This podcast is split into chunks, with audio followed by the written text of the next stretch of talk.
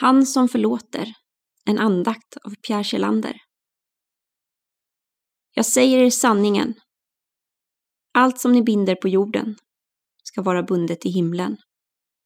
Och allt som ni löser på jorden ska vara löst i himlen. Matteus evangeliet kapitel 18, vers 18.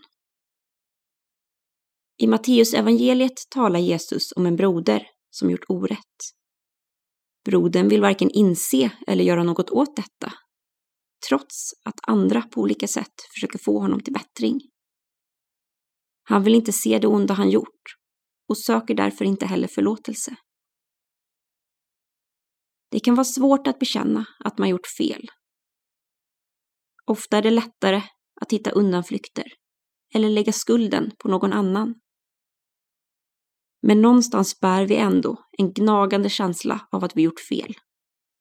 I grunden har detta att göra med vad vi skapats för.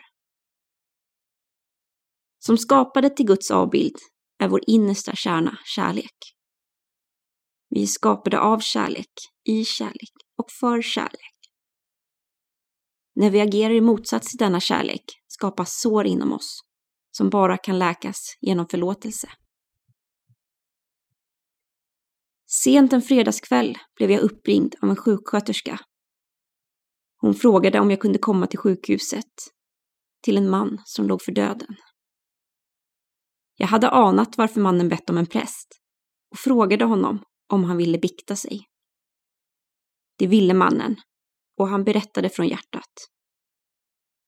Han bekände synd efter synd och när han var klar sa han Nu är jag redo. Vi bad Herrens bön tillsammans och jag gav honom välsignelsen. Rummet, som tidigare varit mörkt och ångestfyllt, var nu istället fridsamt och lugnt. Dagen efter fick jag veta att mannen somnat in ett par timmar efter att jag lämnat sjukhuset. Han hade fått uppleva Guds förlåtelse på djupet. Allt som tyngt honom hade han bekänt inför Gud och Gud hade skänkt honom nåd. Såren hade läkts. Fridfullt kunde han somna in och gå från död till liv.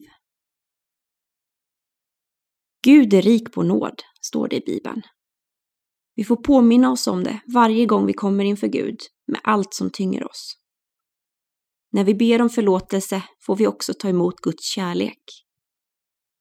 Vi blir helt fria och går från död till liv. Vi helas inuti och får fullständig frid från himlen.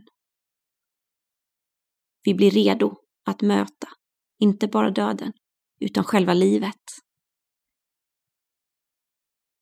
Din trofasta kärlek aldrig oss lämnar. Din barmhärtighet, den kan aldrig ta slut. Den är ny varje morgon, ny varje morgon. Stor är din trofasthet, min Gud. Stor är din trofasthet. Din trofasta kärlek av I. McNeil och I.M. Eriksson. Vi ber. Kom du mitt ljus och lys upp mitt mörker. Kom du mitt liv och lös mig ur döden. Kom du min läkare och hela mina sår. Amen.